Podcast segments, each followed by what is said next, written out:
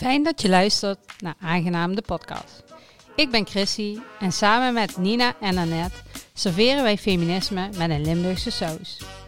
We gaan elke keer met een inspirerend persoon in gesprek en gaan geen enkel onderwerp uit de weg. Wat houdt ons bezig? Waar lopen we tegenaan?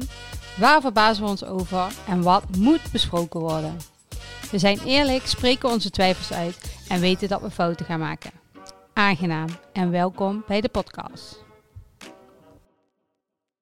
Welkom bij Aangenaam de podcast live. Superleuk dat iedereen er is en fijn dat we vandaag eindelijk aan de waterkant kunnen zitten. Vorige week eh, liet Storm Polly het even niet toe, maar daarom uh, des te dankbaar dat we hier mogen zitten. En een special thanks to uh, de Maasport natuurlijk die dit mede mogelijk maakt, Grenswerk en de locomotief. Dankjewel dat we hier mogen zijn. Woehoe! Woehoe! En trommelgeroffel, wie is de gast van vandaag? Marloes Eipelaar. Ik zeg hallo allemaal. ja, Marloes, uh, Marloes, welkom dat je er, uh, fijn dat je er bent bij de podcast. Uh, Marloes studeerde in 2018 af aan de acteursopleiding van de Hogeschool voor de Kunsten Utrecht. Uh, ze profileerde zich als maker en na haar opleiding richtte ze samen met Ella Kamerbeek het feministisch uh, theatercollectief Club Lam op. Ze schreef, regisseerde en speelde in Lolita, Rubens Meisjes en de solovoorstelling Vote. Met een komst naar Venlo staat Club Lam nieuwe weg in. Eipelaar stopt met acteren en gaat voortaan verder als scriptschrijver en regisseur. Ella en Ayla Senik Satijn. Spreekt dat goed uit? Ja, chicken. Oké. Okay. Blijven op het podium staan en krijgen er nieuwe collega's bij. Met een frisse blik en eigen teksten beukt Club Lam door het glazen plafond en verwoesten ze vastgeroeste rolpatronen. Club Lam laat vrouwen aan het woord. Een missie waar wij ons ook wel in kunnen vinden. Aangenaam, Marloes Eipelaar. Woehoe! Woehoe! en met dat je haar voorstelt, breekt de hemel open. Volgens mij is dit een teken voor God. Ik denk het. Ja. ja, we beginnen altijd uh, de podcast ook met een check-in van hoe zitten we erbij, jongens? Nanette? Um, ik uh, op dit moment uh, relaxed. Ik heb een uh, heel erg fijn weekend gehad. Ik ben met Chrissy en nog een paar anderen naar Wildeburg geweest. Oeh. Dus uh, dat was echt heel erg, heel erg fijn. Um, maar dus wel een beetje moe. En um, ik merk ook dat het een beetje alle kanten op schiet. Maar ik zit er op dit moment, uh, ik heb er zin in. Ja, voor mij was het echt weer uh, het eerste festival sinds uh, Forever. ja, ik heb drie jaar geleden een keertje gekregen en een half jaar geleden. En nu was het weer de eerste keer dat ik samen met mijn vriend naar een festival ging. en we hebben het er flink van genomen. Dus de, de kater die zit er nog wel een beetje zit er nog wel een beetje in. en Marloes? Um, ja, met mij gaat het goed. Ik voel uh, heel veel zomerkriebels. Ik heb heel veel zin in vakantie. En ik heb het idee dat als ik nu uh, wel eens uh, een paar dagen stop met werken omdat ik weekend neem, dat het er nog niet helemaal van komt om te ontspannen. Um, maar ik ben, uh, er is heel veel verandering gaande, zoals je net ook al voorlas, maar ook privé. En ik heb, we hebben een huis gekocht, een kluswoning in, uh, nou ja, echt zusteren. Dus dat wordt spannend. In augustus gaan we flink verbouwen. Um, dus ik, uh, ik zit met gezonde nieuwe spanning voor de nieuwe toekomst die met te wachten staat. Maar wel tof dat er op zoveel gebieden dan uh, zo'n veranderingen plaatsvinden. En privé en op werkgebied. Alleen, dan... maar, alleen maar verhuizingen, toch? Ja, ja dat zeggen ze ook. Hè. Dat komt nooit in één. Het komt altijd uh, met meerdere slagen. Dus ik denk dat er gewoon een nieuwe vorm van leven staat te wachten op, voor mij. Heerlijk. Spannend. Verwachtingsvol. Ja, zelf ben ik een beetje stuntelig. Misschien merk je dat nou, nu ook al een beetje. Uh, vanochtend uh, heb mezelf, was ik de sleutels kwijt. Ik ben drie keer naar de keuken gelopen om een, een banaan te pakken. Uh, en drie keer kwam ik in de keuken en wist ik niet meer wat ik daar deed. ik heb mezelf in mijn vinger gesneden. ja, net met het voorlezen ook een paar stuntelige dingetjes. Maar we gaan er gewoon lekker stuntelig verder. Maakt allemaal ja. niks uit is niet helemaal. Uh, zolang, je, zolang je niet in die maas valt, vind ik alles prima. Nee, nou ja, dan, dan, ga ik dat niet doen in ieder geval. Nou, Marloes, super tof. Allemaal verhuizingen. Want je gaat naar de Maaspoort onder andere. Ja, zeker. En daar ben ik heel trots en heel, eh, heel blij mee eigenlijk. Ja, Eh, wij ook. Ja, jullie ook. ja, we zijn al heel lange romances aan het ontwikkelen met elkaar. Eh, dus het voelt heel eh, grappig hoe het allemaal gelopen is dat wij nu bij jullie eigenlijk in de stad komen. En dat voelt als een warm bad. En ik denk dat, er, dat we nu samen heel veel mooie dingen kunnen gaan creëren. En eigenlijk die roze vlek die wij in Sittard natuurlijk heel erg hebben uitgebreid, dat die langzaam naar hier eh, ook kan komen en eh, samen met jullie eh, kan versterkt worden. Ja. Maar- ja, want je bent maker, actrice. Wat hadden we meer? Schrijver. Schrijver, Ja, ik, ik eh, ben begonnen als actrice. eh, en op de toneelschool kwamen wij er al heel snel achter dat de rollen die er voor ons eh, lagen als vrouw zijnde heel beperkt waren. Dus dat waren eh, ja, vooral maagd, hoer, maîtresse, heel beperkt. En die, ja, die, die vrouwen in, in zeker ook historische stukken, die maken niet echt een boog door. Eh, waardoor ehm, wij eh, ja, dachten, is dit nu ons leven? Eh, en zeker Ella, mijn collega, is een, eh, een dikke vrouw. En eh, haar rollen die frustreerden mij enorm. Ik dacht, ja, zij is heel flamboyant en heel extravert. En ze mag alleen maar een hele brave moeder spelen of, of het mikpunt van spot zijn. Mm. En vanuit eigenlijk die frustratie ben ik gaan schrijven. En is Marie-Antoinette ontstaan, de eerste voorstelling van Club Lam. En eh, langzaamaan is dat steeds groter geworden. En zijn wij nu inmiddels een stichting die zich op meerdere vlakken inzet om eigenlijk die, eh, de, vrouw, de vrouwelijke figuur binnen de cultuursector een, eh, een diepere laag te geven, een groter en breder perspectief. Had je dat vroeger dan ook al? Dat je, je, dat, je dat contrast ook zag? Ehm, Of ik- is dat met, nou, ik noemde mezelf wel altijd een feminist. Mhm. En dat was heel gek. Zeker eh, op mijn triviane middelbare school in Sittard. Wat echt gewoon zo'n sport... ja, heel erg hockeyachtige vibe had. Ehm, dus ik was wel bezig met hoe, eh, hoe kan ik gelijke rechten... en hoe kan ik mijn mannetje... Haha, Ja. staan in deze maatschappij. Ehm, en mijn eh, afstudeervoorstelling die ik dan had gemaakt op de middelbare school, die ging ook over de revolutie van 2013, heette dat. Dat ging dan heel erg over wat hebben we gehad aan, aan vrouwenrechten, welke, welke strijd is er allemaal al geweest en waar sta ik nu? En toen had ik nog heel sterk het gevoel, ja, pff, ik weet eigenlijk niet wat ik nu moet gaan doen. Eh, misschien zijn we er al. Naïef dat ik was op mijn achttiende. En toen op die toneelschool kwam ik erachter dat we er nog helemaal niet waren. En eh, eh, Maar merkte je dat dan in de stukken of ook Ja. in, op, op de toneelschool Nou, zelf? eh, vooral in de stukken. eh, dus het repertoire dat er ligt, wat je kent van Shakespeare en een Chekhov. En eh, nou ja, als je een beetje in het toneel zit, dan heb je daar wel een idee over. Dat is best wel eh, ou- eh, ouderwets en outdated. Ehm, en die mannen die letterlijk in de, de lessen, als we dan een monoloog mochten uitkiezen, dan kozen de vrouwen heel vaak maar voor een mannenmonoloog, zodat ze tenminste wat te oefenen hadden. En die mannen in mijn klas, die hebben nog nooit een vrouwelijke monoloog gedaan, want er waren al hartstikke toffe, leuke monologen om te doen als man. Eh, dus daar merkte hij het aan. En uiteindelijk in mijn derde jaar merkte ik het met, met regisseurs die kwamen. eh, dat zeker eh, ik als eh, dun, eh, eh, knappe, dunne vrouw met een grote mond vooral rollen aangeboden kreeg waar ik. ehm, ehm, eh, ja, hoe zou ik het zeggen? Miso, ja, nou, miso, misogeen. Echt. Mm. Dus het, het, kap- het liefst het kapot maken, in mijn gezicht gespuugd worden, want dat is mooi voor het plot. Ehm, ja, echt vernederen, ehm, want dan kunnen we jouw eh, eh, eh, zwak, eh, zwakte zien. Oh. Fijn. Heftig. Ja, ja. Dus vanuit Nou, en eigen- daarna kwam pas Me Too, hè, jongens. Eh, dus dat wa- waren toen nog... eh, ja, dat is nu... eh 2013 ging ik studeren en 2018 studeerde ik af. Dus het was het, ook de golf die er nu is, wat heel tof is bij theatermakers, dat er heel veel vrouwelijke eh, theaterregisseurs en schrijvers aan het opkomen zijn. Zoals een Eline Arbo, die natuurlijk nu bij ITA directeur geworden is bij Toneelgroep Amsterdam. Eh, die golf was toen nog niet zo, was toen nog echt nog niet zo gaande. Maar je kon je ook niet uitspreken, toch? Nee, eh, wij eh, waren zeker in de eerste twee jaar eh, wel echt nieuw. We waren, het een feministisch theatergezelschap was Hm. toen bijzonder. Wat kreeg je daarvoor reacties op dan? Geen? Nee? We hebben heel weinig pers gehad in het begin. En Ja. uiteindelijk bij Lolita is dat pas, eh, pas gekomen. En toen schaamden ze zich ook.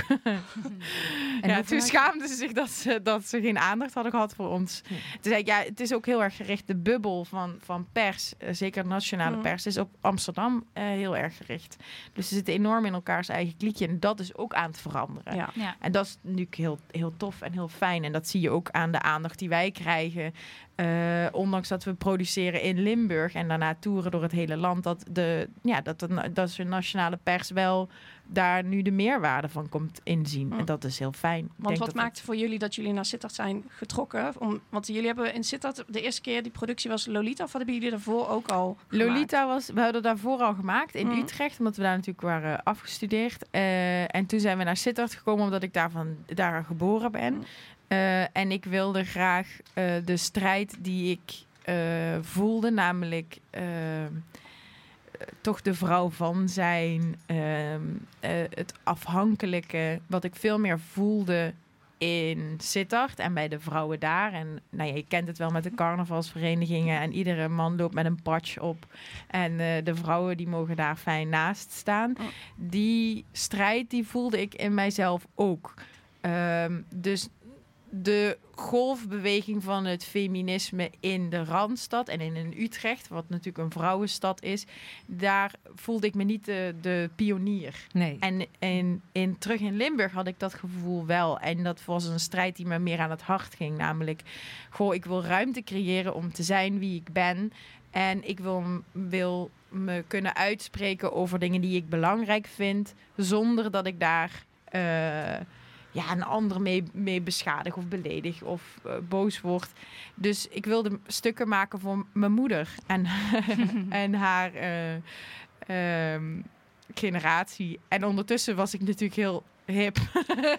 Want ja, ik, kwam, ik, kwam, ik woonde in de Randstad. En dus eh, ook, ook al die jonge hippe meiden vonden het allemaal leuk hoe we het aanpakten. En ik kwam uit de modellenwereld. Dus ik had een hele visie over hoe dat dan marketing-wise moest. Dus het moest er gelikt uitzien. En we moesten modefotografie doen. En eh, experts daar vandaan halen.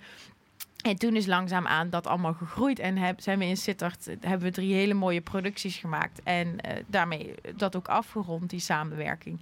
En toen kwam eh, Wieke Ja. en, eh, van de Maaspoort. En ja, we kenden natuurlijk jullie al. en toen dachten we, ja, we zijn wel gek om niet naar Venlo te komen. Want het is hier zo leuk. En we kunnen hier nog zoveel meer met samenwerkingspartners echt doen. Dat ik denk, eh, eh, ja, let's go. Ja. Ja, misschien is het ook wel tof voor onze luisteraars, want wij weten natuurlijk al helemaal eh, wie Club Lam is. En eh, nou ja, wat, wat je net ook al benoemde, van er is een kleine romance ontstaan tussen Aangenaam en, en Club Lam. Maar eh, ja, de mensen die hier nu zitten of onze luisteraars, ja, voor heel veel mensen is Club Lam nog eh, ja, onbekend. Eh, dus misschien is het wel leuk om even de, eh, ja, de voorstellingen en de thema's te benoemen. Want nu hebben we het over Lolita en eh, Rubens over. Rubens meisjes. Maar Ja. er zijn misschien ook ja, mensen die dat gewoon alleen die titel al niet zoveel zegt. Dus misschien is het leuk om even die ja, feministische thema's te benoemen die jullie eigenlijk aangestipt hebben met jullie voorstellingen. Ja, Even iets meer tekst en uitleg. Ja. Wij zijn dus met Marie-Antoinette ooit begonnen, omdat dat voor ons een kindsterretje was, zoals we die nu als een Justin Bieber kennen of een Britney Spears. Ehm, dat we, we, we boosten iemand helemaal op. eh, helemaal ophemelen en zodra we daar klaar mee zijn, eh, hakken we letterlijk of figuurlijk de kop eraf en is het klaar.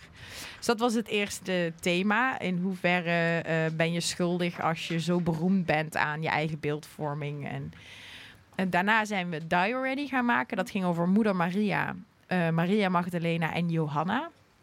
En eh, Johanna kent bijna niemand, maar die was samen met deze andere twee vrouwen ook aanwezig bij de kruisiging van Jezus, bij het sterven, bij het inbalsemen, bij het herreizen, noem het maar op. Die drie vrouwen waren cruciaal en daar is eigenlijk heel weinig over bekend. En die hebben we toen naar het heden getrokken.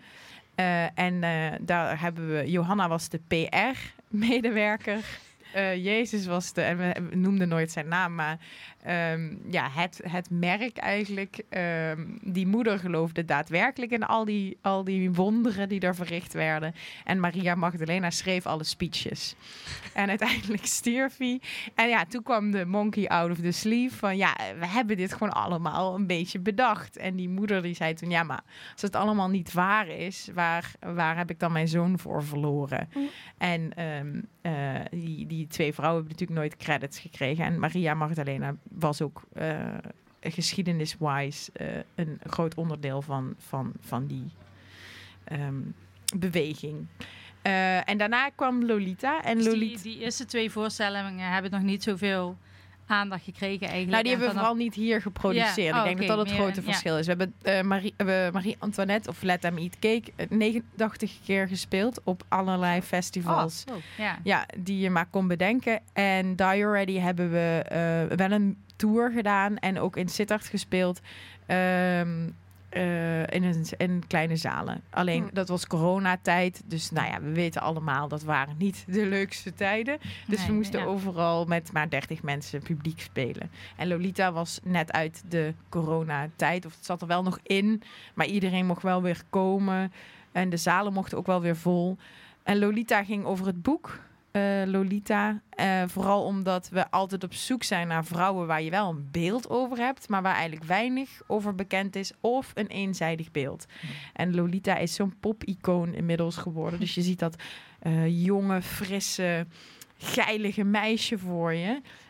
Veel mannen vinden het ook hun lievelingsboek. Ehm, maar waar gaat het over? Het gaat over een twaalfjarig meisje die ontvoerd wordt door een man en gewoon seksueel misbruikt wordt. En zij sterft aan het einde van het boek, zwanger volgens mij. En, of met het kind baart in ieder geval nog. En bij onze Lolita bleef Lolita leven. En zat ze eigenlijk in een apocalyptische wereld die aan het verbranden was. Dus je had overal vuur en constant ook zo'n vlammetje op onze schermen. En ze konden niet naar buiten, wat natuurlijk verwe- verwees nog naar coronatijd. En wij waren drie afsplitsingen van, van één figuur. En daarin de drie kopingsmechanisms. Dus eh, fight, flight en freeze. En die drie vrouwen gingen alle drie op hun eigen manier om met het verleden dat achter hen lag. En dat clashte natuurlijk enorm. En eh, daar zochten ze als zusjes dan toch een manier van leven samen. Om aandacht te krijgen voor, goh, wat zijn die effecten nou eh, als er zoiets gebeurt in je jeugd? En hoe draagt dat? Hoe draag je dat mee en hoe, hoe verhoud je je dan in de maatschappij daarna? En dat ziet er natuurlijk heel wisselend uit. Sommigen gaan op OnlyFans. Een van die Oh, ging natuurlijk ook op OnlyFans. En die, die zei helemaal van, nou, hier krijg je dan seks. En eh, nou, dan doe ik toch lekker mee. En ja, ik ben misbruikt, maar niemand kan mij pakken. Nee. En de ander die eh, ging enorm in de therapie en die rationaliseerde alles zo heftig dat er gewoon geen gevoel meer overbleef. En de derde die ik dan speelde, dat bleef gewoon een kind. Ehm, dus wilde vooral dat papa en mama niet ruzie maakten. En die twee eh, zussen stonden natuurlijk voor haar als haar ouders. Of in ieder geval laten we het gezellig houden, laten we het leuk houden. Nou, en al die manieren van overleven kennen we natuurlijk zelf ook. Dus dat Mm. was een hele intense voorstelling. En daarna kwam Rubens Meisjes. Daartussendoor is Lourdes nog geweest. Die heb ik ook Ja. geschreven. Die heeft Ella gespeeld. En dat ging over eh, maar, ehm, eh, eh, Lourdeswater. Dus ehm, Bernadette die eh, Maria voor het Mm. eerst ziet. Eh, of dertien keer heeft ze die gezien. En wij hebben dertien keer Siri af laten spelen. Dus alsof ze met haar telefoon aan het praten was. En Siri steeds oppopte met... Hallo, ja, wil je weten wat het weer is? Dus op die manier zag ze dertien keer Siri in plaats van Maria. En het ging over eh, dikke vrouwen in deze maatschappij. En hoe je dan veroordeeld wordt. En hoe heftig dat is. Zeker als het gaat over daten. Dating apps. En eh, eh, ben ik de liefde wel waard? En als ik dik ben, ben ik dat dus eigenlijk volgens heel veel mensen niet waard. En daarna kwam Rubens Meisjes. En dat is de laatste zaalvoorstelling geweest. En die ging over de werken van Peter Paul Rubens. Dus de dikke vrouwen op de schilderijen. Nou, het- we gingen uiteindelijk naar die schilderijen kijken in Antwerpen. Dat viel reuze mee. Het waren helemaal niet zo dik. Daar schaamden we ons dan weer voor. Van ja, het is gewoon eigenlijk hele normale vrouwen. We zijn dus zo geïndoctrineerd met, met maar dat enorme size zero. Ja. Dat we normale vrouwen al ehm, ja, in onze geschiedenis als dik ervaren. En eh, dat ging over een muze zijn. Hoe, hoe, eh, hoe voelt het om, om, om maar geportretteerd te worden eh, in zo'n schilderij als naaktmodel en, en niet los te kunnen breken van, eh, van, van dat eenzijdige beeld? Ja. Eh, tot Heftige- zover. Ja, heftige thema zo. en het is altijd, kijk, ik moet dan Even altijd in een notendop vertellen hoe Ja, het is dat is en hoe het was. En dat is heel lastig, want het is ook juist heel erg grappig en er zit heel veel zelfspot in. En dat Ja. vind ik super belangrijk om te doen, omdat het een leuke avond uit moet zijn. En dan zit daar wel een boodschap en een thema in, waardoor je niet het idee hebt eh, dat je enorm TikTok-filmpjes hebt lopen kijken. dus je voelt je gevoed aan het einde van de avond en je hebt toch gelachen. En ik denk dat dat een mooie combinatie Nou, ik vind is. dat altijd heel knap. Ik heb een aantal voorstellingen al gezien. En ehm, dat ik het, het, hoe jullie of hoe jij dan het eh, heden met het verleden vervlecht. En dat het inderdaad historische figuren zijn. En waar dan ook gewoon een soort van backstory achter zit. Die wij al, of die de meesten al kennen. Maar die je dan toch eh, invult. En dat het dan ook ja, wel een beetje. Is het dan, wat zijn wij, millennials? ik, ik weet het nooit. Maar dat daar gewoon heel veel dingen in zitten daar, waar ik dan zo om moet lachen. Omdat ik dat zo herkenbaar vind bij mezelf. Zo van, enerzijds heel erg met het, met Ja. het klimaat bezig zijn. En dan anderzijds dat hypocriete van, ik doe dit, want dat is goed voor mezelf en de anderen en de wereld en de mens. En dan aan de andere kant ook gewoon zeven zakken chips naar binnen douwen, weet je wel. Zo van, dat daar gewoon, daar zit zo'n... eh, eh, zo'n the struggle is real, maar zit zo'n... Ja. nou, ik denk dat het een hele vruchtbare tijd is Ja. als, als schrijver. eh, omdat die dualiteiten die wij allemaal in ons hebben, steeds helderder naar boven komen en steeds zichtbaarder zijn. En dat komt door de grote problemen die op ons afkomen. Eh, en daardoor ben je dus als mens het nooit goed aan het doen. Nee. Eh, en zoek je de hele tijd in, nou hier ga ik eens even wel het beste kindje van de klas zijn. En dan faal je natuurlijk weer volledig op een andere vlak. Of dan krijg je weer heel veel commentaar daarop. Dus dat, eh, dat, is, dat blijft gewoon heel vruchtbaar. Ja, maar de voorstellingen die wij gezien hadden, was eigenlijk ook gewoon een soort van. Een- ja, een spiegel, maar wel een hele, hele leuke en fijne spiegel. Dat je daarna ook dacht van, oh, fijn. Oh, iedereen worstelt of iedereen doet maar wat of doet zijn best. En ja, weet ik niet, heel herkenbaar en heel, eh, ja, heel grappig. Ja, heel de humor. herkenbaarheid van de geschiedenis vertalen naar het heden. Ja. Ja. Maar hoe ga je er dan mee om dat... ehm, hè, want het is een hele... Je bent dan heel zelfbewust eigenlijk. Je probeert de wereld toch beter te maken. Ondertussen naar jezelf kijkend van... Oké, wat is mijn eigen aandeel hierin, zeg maar. Dus je bent daar... ehm, en ondertussen verandert de wereld niet, niet snel genoeg eigenlijk. Ik denk, we, hè, we lopen volgens mij genoeg tegen andere dingen aan. Hoe ga je daar dan mee om? Hmm, nou, je kunt maar zo weinig. Ja, je kunt maar een klein deel veranderen. Mhm. En ik denk dat je vooral jezelf kunt veranderen. Ja. En door heel veel innerlijke processen helder te maken. Door middel van personages die een reis doormaken. Dus die handelen op een bepaalde manier. Je leeft op een bepaalde manier. Er komt een conflict. En daardoor heb ik een keuze om op een andere manier te gaan leven. Ik denk dat, eh, dat dat heel belangrijk is om dat inzichtelijk te maken. Omdat mensen zich dan gewaardeerd voelen. Of zelf daar tips en tricks uit kunnen halen. Ehm, dus mijn ehm, ideologie gaat, of mijn utopie gaat heel ver. Maar ik heb niet het idee dat ik dat in mijn eentje met mijn theaterclubje zou kunnen bereiken. dus ik ben al heel blij dat er vaak na voorstellingen heel veel gesprek ontstaat tussen mensen. En dat vooral, we hebben heel veel moeders en dochters die samenkomen. Eh, de dochters herkennen heel veel doordat we gebruik maken van video eh, en van internetcultuur. En de moeders herkennen heel veel van eh, de geschiedenislessen, maar ook van. En, en wat ze samen herkennen, is het gedrag dat er Mhm. getoond wordt. Of de eh, ongelijkheid die er is. En de ongelijkheid ook naar elkaar. Hoe vrouwen tegen elkaar doen. En daar ontstaat dan een gesprek uit. En dat vind ik heel waardevol. Want dat gebeurt bijna niet meer. Wanneer kijk je nu met je moeder een film? Of wanneer ga je nu met andere mensen die aan je tafeltje staan in gesprek? Het is heel individualistisch aan het Mhm. worden. Ja.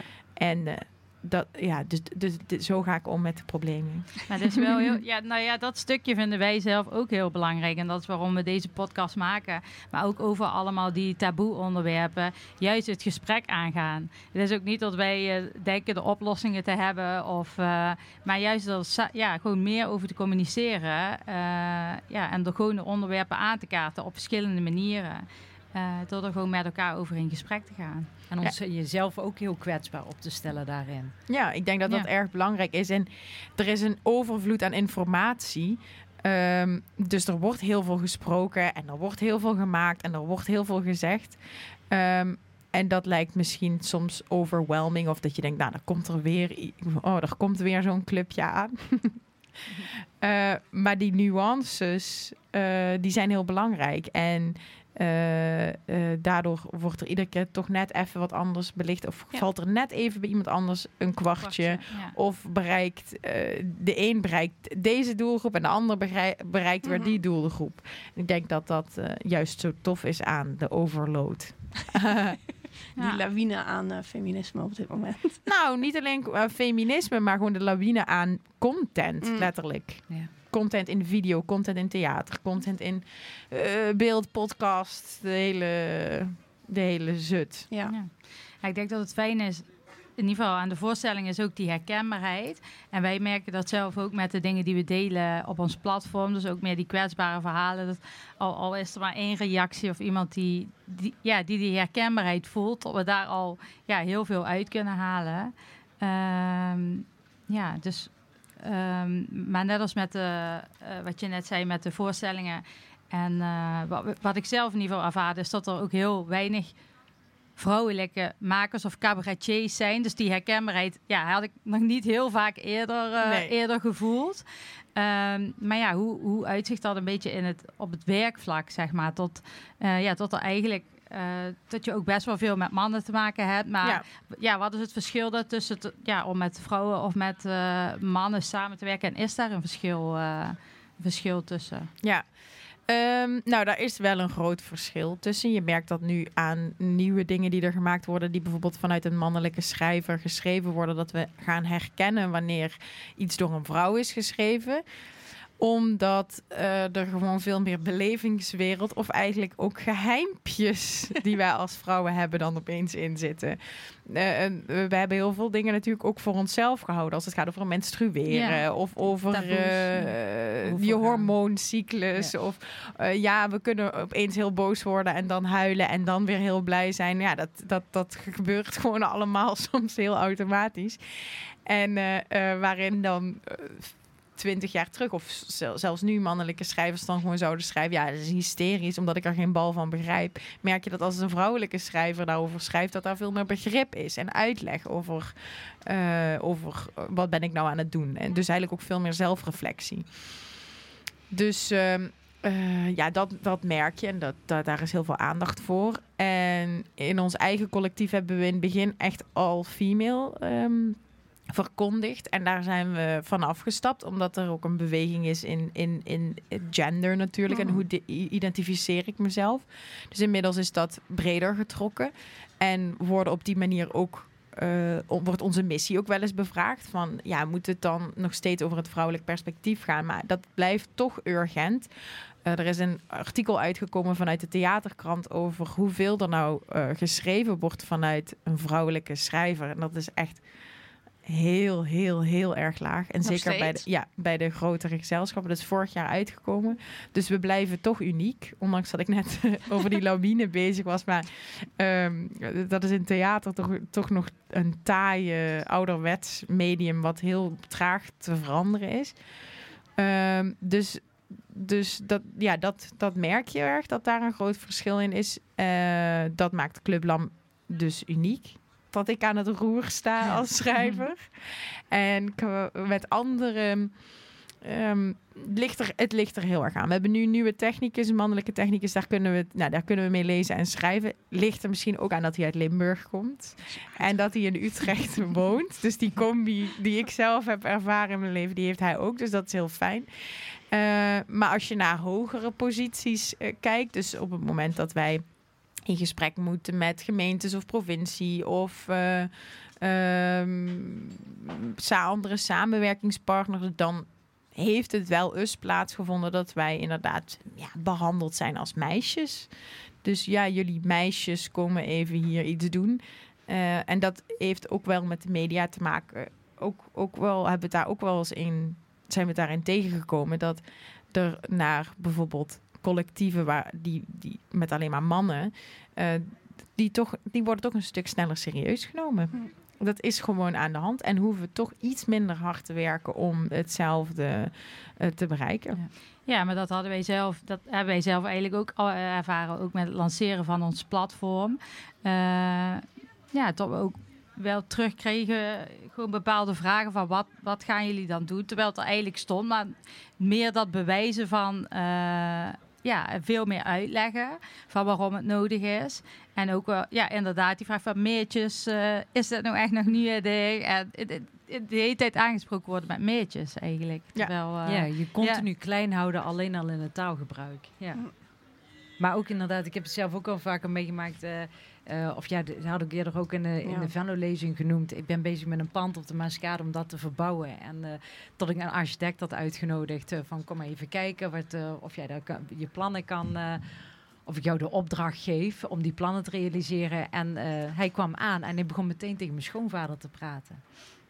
Hij sprak helemaal niet naar mij. Ik denk, wat, wat gebeurt er nou? Maar inderdaad, hij dacht in- dat die schoonvader degene was die contact met hem opgezocht had eh, om die verbouwing te leiden. Maar alleen al in zo'n kleine dingetjes en ook in werkgebied, dan dat je continu moet laten horen van, nou sorry, maar ik ben degene die die afspraak heeft gemaakt. Maar ja, als je ook op werkgebied continu van je klein, je jonge ondernemer, soms word ik nog steeds aangesproken als jonge ondernemer. Ik ben Ja. inmiddels 37. En er wordt verwacht van je dat je op een andere manier communiceert. Dus eh, je, je moet toch als vrouw dankbaar en eh, Ja. vreugdevol eh, zijn en lachen en heel blij zijn met alles wat iemand komt aanbieden. Zeker, dat, dat merk ik met vrouwen al een stuk minder. Maar als er een man tegenover me staat, dan moet, dan moet ik toch wel heel erg ehm, blij en gelukkig zijn. Pas je je gedrag ook daarop aan? Ja, als ik iets moet hebben, dan wel. Ja, ja ik ben wel eh, zo doorgekomen. Want anders dan waren we natuurlijk niet waar we nu zijn. Dus ik heb me ook echt moeten aanpassen. Maar ik, ik begin me er wel steeds bewuster van te worden. En kwader ook van te worden. Dat ehm, op het moment dat ik zakelijk word, dus dingen ga eisen. Hele normale basic dingen. Zoals, goh, ik wil iets op papier. Of goh, laten we deze gesprekken even over de mail hebben. Zodat we het zwart op wit hebben Mhm. staan dat dat dan als eh, aanvallend, bitchy, eh, emotioneel wordt gezien. Ja. Terwijl eh, mannen onder elkaar eh, heb ik het idee dat dat helemaal... eh, nee, tuurlijk man. Nee, tuurlijk. Ja, nee, dat gaan we regelen man. Ik, nee, ik stuur een mailtje. en op het moment dat ik zeg, goh, ik wil het even op de mail hebben... want dan, dan kan ik het altijd nog teruglezen. Hoezo vertrouw je me niet? Ja. En dan is het meteen een soort van, eh, wordt het emotioneel. Terwijl wij tijd aan worden gesproken dat wij emotioneel zijn. dus ik denk, oké, eh, ik mag dus eigenlijk de hele tijd alleen maar heel dankbaar en heel blij zijn. En heel enthousiast. Ja, maar dat is natuurlijk ook die beeldvorming en die stereotyperingen die we dus aan mannelijk en vrouwelijk koppelen. En die er gewoon nog heel erg in, ingesleten zijn of zo. Dus het is dan wel heel lastig om eh, ja, als vrouw je mannetje te staan, wat ik eigenlijk ook niet wil zeggen, want dat is het niet. Want je kan zelf ook gewoon daadkrachtig zijn of grenzen aangeven of ja, gewoon, eh, ja, gewoon eigenschappen hebben die bij jou passen en die niet per se mannelijk of vrouwelijk zijn. Maar tot toch anderen daar dan eh, ja, gewoon raar van opkijken. Ja, je werk Ja. wordt gewoon bemoeilijkt. Daar komt Ja. het op neer. Ze willen je het tien jaar geleden een boek gelezen van eh, Sheryl Sandberg, Lean In. Waardoor je eigenlijk, haar advies was een beetje, ik word door de bocht dan, maar eh, spiegel jezelf in die man. Dus ga ook met je benen wijder uit elkaar zetten, je benen uit elkaar. En nu, terugkijkend op wat ik toen, toen heeft het me redelijk geholpen om wat zelfverzekerder te voelen. Maar als ik er nu aan terugdenk, dan denk ik, hoezo heb ik dat gedaan? Want eigenlijk ben ik mijn vrouwelijkheid daarin een beetje verloren. Ben ik veel meer meegegaan in die mannelijke energie en eh, ja, toch een beetje dat meepraten, omdat ik me wilde meten aan Mhm. hun dan. Terwijl zo ben ik helemaal niet. Ik heb me een beetje aan willen passen aan mijn omgeving op dat moment. Ja, ik denk dat we daar allemaal op dit moment achter aan het komen zijn, toch? Ja, dat, je, maar ook- ja. dat je je onbewust eh, ook aangepast hebt aan de norm. En dat, dat iedereen dat in feite ook doet. Dus dat ik daarin ook heel benieuwd ben of mannen of andere mensen eh, dat die, die shifting nu ook in de gaten hebben. En of ze Oh. daar ook mee aan iets mee doen. Of dat ze alleen maar gewoon. Ik vind het interessant dat jij zegt, ik ben dat gedrag gaan spiegelen. Ja. Want eigenlijk heb ik het op een andere manier aangepakt. Ik ben dus, heel, dus de hele tijd juist het, het vrouwelijke stereotype gaan doen. Dus het leuke, Mm, eh, eh, eh, Lieve, lieve, dankbare, oh, naïeve, af en toe dommig ge- gespeeld. Eh, ehm, en, en ik merk nu, ah, daar zit een, een, een glazen, daar, dan zit er een glazen plafond. Want Ja. dan mag ik me alleen, dat gedrag is fijn, vinden ze prettig. Dan willen ze ook best dingen geven of aanbieden of meewerken. eh, totdat je er zakelijk wordt, eh, want dan schrikken ze. mhm. En dan kom je dus op hetzelfde niveau Ja. te staan. En dan, dan, dat willen ze niet hebben. Nee, dat, dat- ik had ook wel dat ik dat meisje, dat was ik zelf, heel giebelig en eh, eh, ook wel onzeker. En inderdaad lag om de grapjes die gemaakt waren ook al dacht ik van, ik vind het echt totaal niet grappig wat je zegt, maar maakt niks uit, want je wilt daarin meegaan. En aan de hand van het tipboek van Cheryl, zo van, oh, nu moet ik met mijn benen uit elkaar gaan zetten. En nu moet ik ook zo met mijn handen en ik moet een actieve houding nemen in het gesprek. En doordat ik me zo bewust van was, van wat ik aan het doen was, Mm. nou, dat hele gesprek, ik had geen idee waar het over ging meer. Zo van, ik was zo bezig met mezelf, dat ik gewoon de, ja, de hele draad kwijt was. Ik vind het wel interessant. Ja, maar ik snap ook dat natuurlijk als actrice dat het ook wel makkelijker is om een bepaalde rol aan te nemen. Al dan helemaal als je merkt dat je daar dingen mee voor elkaar krijgt. Ja, Maar het is gewoon wel heel interessant. Wat, ja, de vraag dan ook, wie, wie, wie ben ik? Wat past bij mij? nou, het gaat inderdaad veel ja. meer over een, een, een, een, een strategische keuze Ja. maken in hoe ben ik me nu aan het gedragen, dan dat het over de inhoud gaat. Hmm. Ja, maar het zou wel Ja. heel mooi zijn als we ook op een andere eh kwetsbaardere of onze, ja, op, op een andere manier wel die dingen kunnen bereiken. Ehm, ja, door soms misschien, ja, weet ik ook niet hoe ik dat Nou, moet door zeggen. op Dat- ja. de inhoud daadwerkelijk je Ja. gesprekspartner serieus te nemen. En dat merk je. Dan wordt vaak word je als gesprekspartner of als eh, stichting niet helemaal serieus genomen. Eh, en wordt er nog gekeken naar achtmaatjes. Ja. Eh, als je diegene die je tegenover je hebt niet serieus neemt, dan, dan, dan gaat het helemaal niet over de inhoud. Dan wordt er dus inderdaad gekeken, zit ze er nog steeds zelfvertrouwd, eh, zelfverzekerd Zeker. bij? Anders wals ik er overheen. Ja. maar moet je ook- altijd ja. zelfverzekerd zijn? Of ja, dat vraag ik me dan ook ik af. heb ook wel eens dat ik eh, in een gesprek en dan wordt het te veel of dan komt het dichtbij of dan, dan raakt het me ergens en dan kan ik echt huilen. En dan denk ik, oh nee, dan ben ik weer omhoog vechten tegen die tranen, want ik wil absoluut niet huilen in dat gesprek. En dan ben ik daar weer mee bezig. Terwijl aan de andere kant, als die tranen even geweest zijn, dan is het twee seconden hè, en dan kan ik het gesprek weer mee. Maar dan is die eerste emotie Hmm. is er dan weer even uit. Maar toch schaam ik me daar ontzettend voor. En volgens mij hebben er ook wel meerdere last van. Eh, waarvan ik denk van waarom moeten we dat. Waarom mogen we niet emotioneel zijn? Als dat toch in ons zit, dan kunnen we toch even het eruit huppen en dan pakken we het gesprek weer op. Ja, nou ja, dat, ik hoop dat we daar uiteindelijk Ja. komen. Want Ja. dan gaat het weer niet over een uiterlijke verschijningsvorm. Want het uiten van emoties, daar plakken we iets op. Dus dat Mhm. zijn oordelen die we erop plakken. Als we daar doorheen kunnen kijken en gewoon naar de inhoud kunnen luisteren waarover iets gaat, dan maakt het helemaal niet uit dat jij zit te huilen. Nee, ja, Dan, dan, maakt het helemaal niet uit. Oh, moeten we stoppen met het gesprek? Nee, ik, dit is gewoon hoe ik ben. Ik moet gewoon even die lading eraf hebben. Ja. En daarna gaat het wel weer. Laat me lekker beuken. Ja, maar dit is ook inderdaad dat ze dat misschien niet weten hoe ze ermee om moeten Ja, gaan. maar dat is het, denk ik. Het is gewoon- wel? Ja. puur ongemak. En dat is hetzelfde als dat jij zegt van als ik dan zakelijk word, dat ze dat. eh, ik denk dat dat ook ongemak is. Zo van, ze zijn, we zijn niet gewend dat we iets anders doen dan wat we elkaar wijs hebben gemaakt. Dat we zo moeten, ons zo moeten gedragen in een overleg of een meeting of, Ja. een, eh, of een Ik ben wel heel benieuwd naar de nieuwe tijd, omdat ik het gevoel heb dat vrouwen een enorme ontwikkeling hebben doorgemaakt en daarin heel veel met, eh, eh, met zelfontplooiing Mm. natuurlijk ook zijn bezig geweest, maar ook echt hebben gestreden voor hun eigen rechten. En ik heb het gevoel dat de nieuwe 100 jaar, de nieuwe eeuw, echt wel in het teken van de man komt te staan.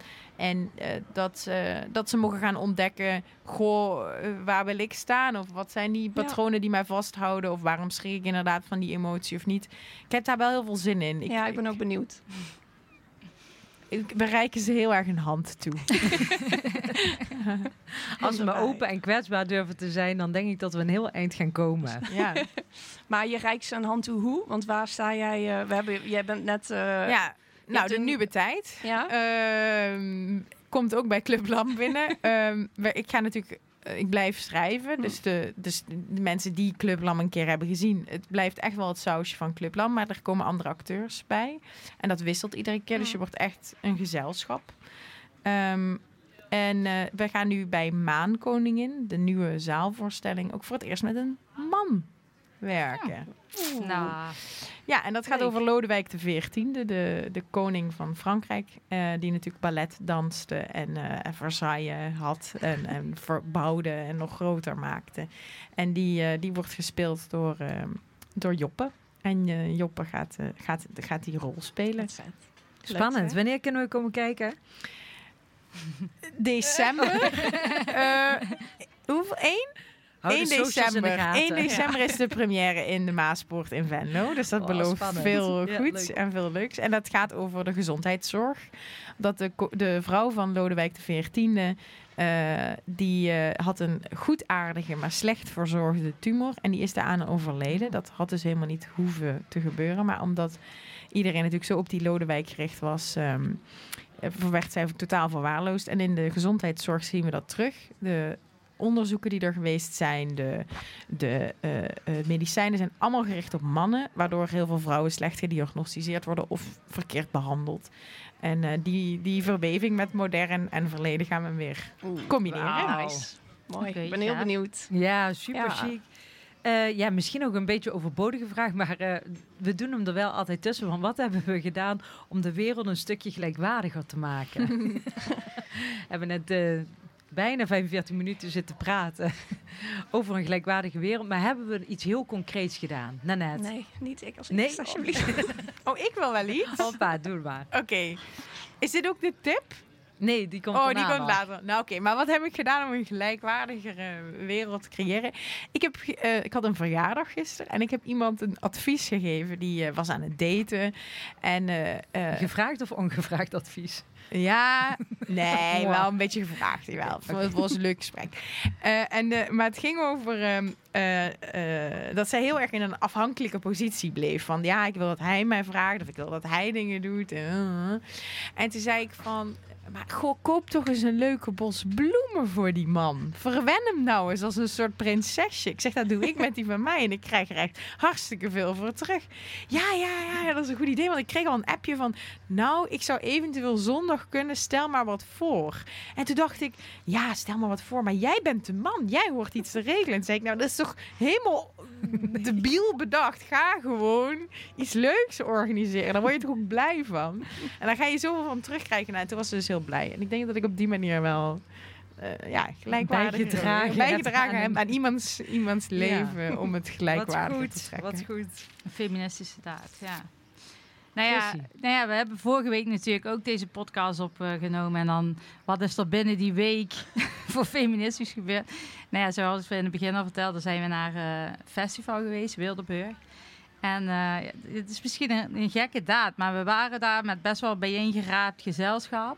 En eh, ja, eh, sowieso Wildeburg zelf eh verspreidde al heel veel over gelijkwaardigheid en over grensoverschrijdend gedrag via de socials. Er hingen ook eh, heel veel banners, waardoor je gewoon ook echt, het inspireerde gewoon om, om, om daar ook mee bezig te zijn, maar onbewust.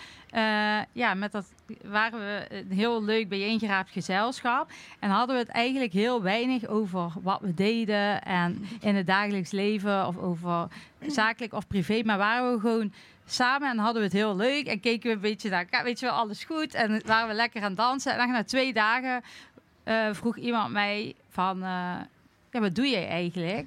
Wat doe jij eigenlijk zo in het dagelijks leven? En toen heb ik dat wel verteld en ook aan diegene gevraagd.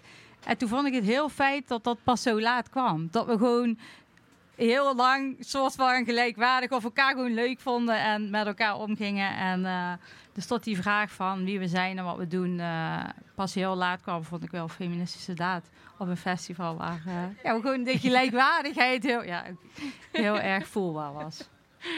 Klinkt dat... Ja, ik vind het wel mooi. Ik denk dat het super belangrijk is, Ja, toch? Om ja. andere, vra- andere vragen te stellen dan... hey, hoe gaat het en wat doe je? Ja, precies. En gewoon een fijn, gewoon een fijn persoon zijn en een beetje voor anderen zorgen en eh, leuk met elkaar omgaan. Ja, ik ga bij deze even verhaal spelen, want het is niet maar vorige week geweest, maar het is al twee of drie weken geleden geweest. Ik had op eh, maandag eh, had ik een vergadering staan en eh, die vergadering was bij de gemeente en dan niet bij het gemeentekantoor en dan niet het groene gebouw, maar aan het Nolensplein. En op maandag heb ik altijd mijn ouderkinddag. Dus ik had mijn kind meegenomen en ik kom daar aan met haar in de kinderwagen en ik zeg, nou, ik kom voor een bepaald persoon. Ja, maar jij mag niet naar binnen met je kind. ik zeg, ik, dacht- eerst dat hij een grapje maakte. Maar zei, nee, je mag niet met kinderen het gebouw binnen. Ik zeg, ja, maar ik heb je zo meteen in een vergadering. Ik heb aangegeven ook dat het mijn oude kinddag is. Ehm, omdat ik het eigenlijk geen fijne datum vond om deze vergadering te plannen. Ik zeg, dus eh, degene die me gehost heeft, die weet ervan. Ik zeg, ik ga naar die vergadering toe. Nee, mocht niet. Het waren regels. Ik mocht niet met eh, mijn kind naar die eh, plek eh, om te vergaderen. Bureaucratie. Ik zei, nou, dan gaan we eens even kijken, want dan gaan we die vergadering verplaatsen. Of naar buiten toe of iets. Eh, want ik denk, ik ga met hem niet in discussie, want ik denk dat hij niet die regels gemaakt heeft. Maar ik heb wel aangekaart in een ander gesprek die we hadden met de gemeente. En het wordt onderzocht. Dus maar jij bent, dus, je bent dus toen vertrokken. Nou, het grappige was dat eh, degene die de vergadering gehost had, een dubbele afspraak had. Dus eh, we moesten allemaal weg. Want diegene kwam dus niet opdagen. Maar de echte oplossing heb ik dus toen op dat moment niet gehad. Eh, nee, maar dan zouden we inderdaad naar een andere locatie moeten om de vergadering voor te zetten. Maar ik vind het wel Ja. tof en ook gewoon een gelijkwaardige daad. Want je ziet in heel veel andere culturen gewoon dat kinderen veel meer betrokken worden bij, eh, bij werk en bij eh, sociale activiteiten. En dat dat eh, ja, hier in de westerse wereld nog best wel ja, afgescheiden is van elkaar. Ja, maar Ja. ik denk ook van, dit is gewoon, als privépersoon ben ik daar nu naar binnen. Ja, ik vond het heel raar. Hm. Maar inderdaad, je- het is juist goed voor de opvoeding als je je kinderen vaker meeneemt met serieuze dingen. Heb ik gelezen. Oh ja? Er staat ergens. Niet vragen naar de bronnen alsjeblieft. Nee. Ehm, ik eh, ben eh, ook op Wildeburg geweest. Ehm, wat ik daar inderdaad, precies wat Christy zei, wat ik merkte is dat het...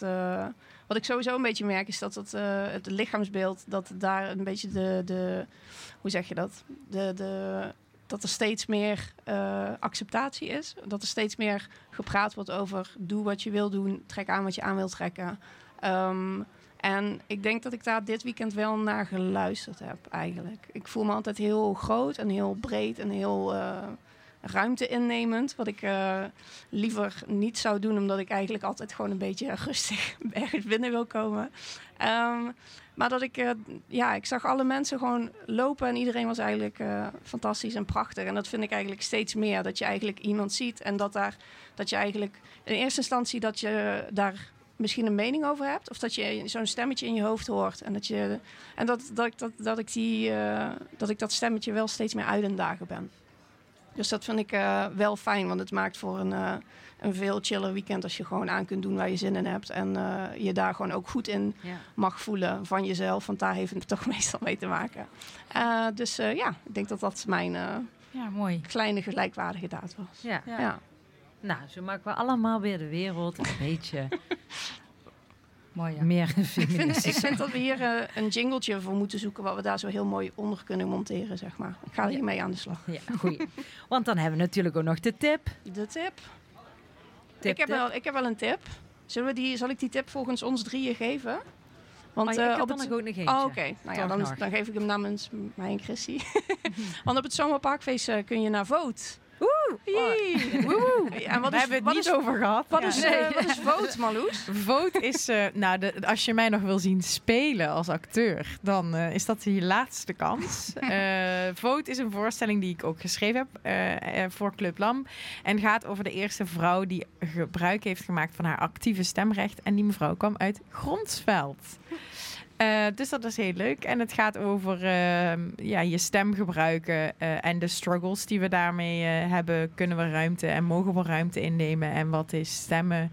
Ehm, eigenlijk wat voor metafoor is stemmen? Want die gaat natuurlijk één keer in de zoveel tijd naar de stembussen. Maar eh, ehm, wat gebeurt er daarna? Die dag daarna wordt er dan nog steeds naar mij geluisterd. En Rutte gaat nu weg. Ja, dus het is, heel, eh, het is weer ineens. heel actueel. Ja. Ik weet niet hoe ik het doe. Jongens, ik weet het echt niet. Maar het nieuws is altijd hoor. met mij. Ja. Eh, ja, ik had ook nog een tip, want eh, volgende week ben ik er niet bij, want dan ga ik naar eh, Zondag in het Zuiden. Dus dat is ook meteen mijn tip. Eh, Zondag in het Zuiden, volgens mij een super mooie voorstelling. Eh, René van Wegbergen in de hoofdrol. Dus ik zou zeggen, eh, als je nog geen kaartje hebt, koop hem ook. En niet, eh, niet de woensdag dan, hè?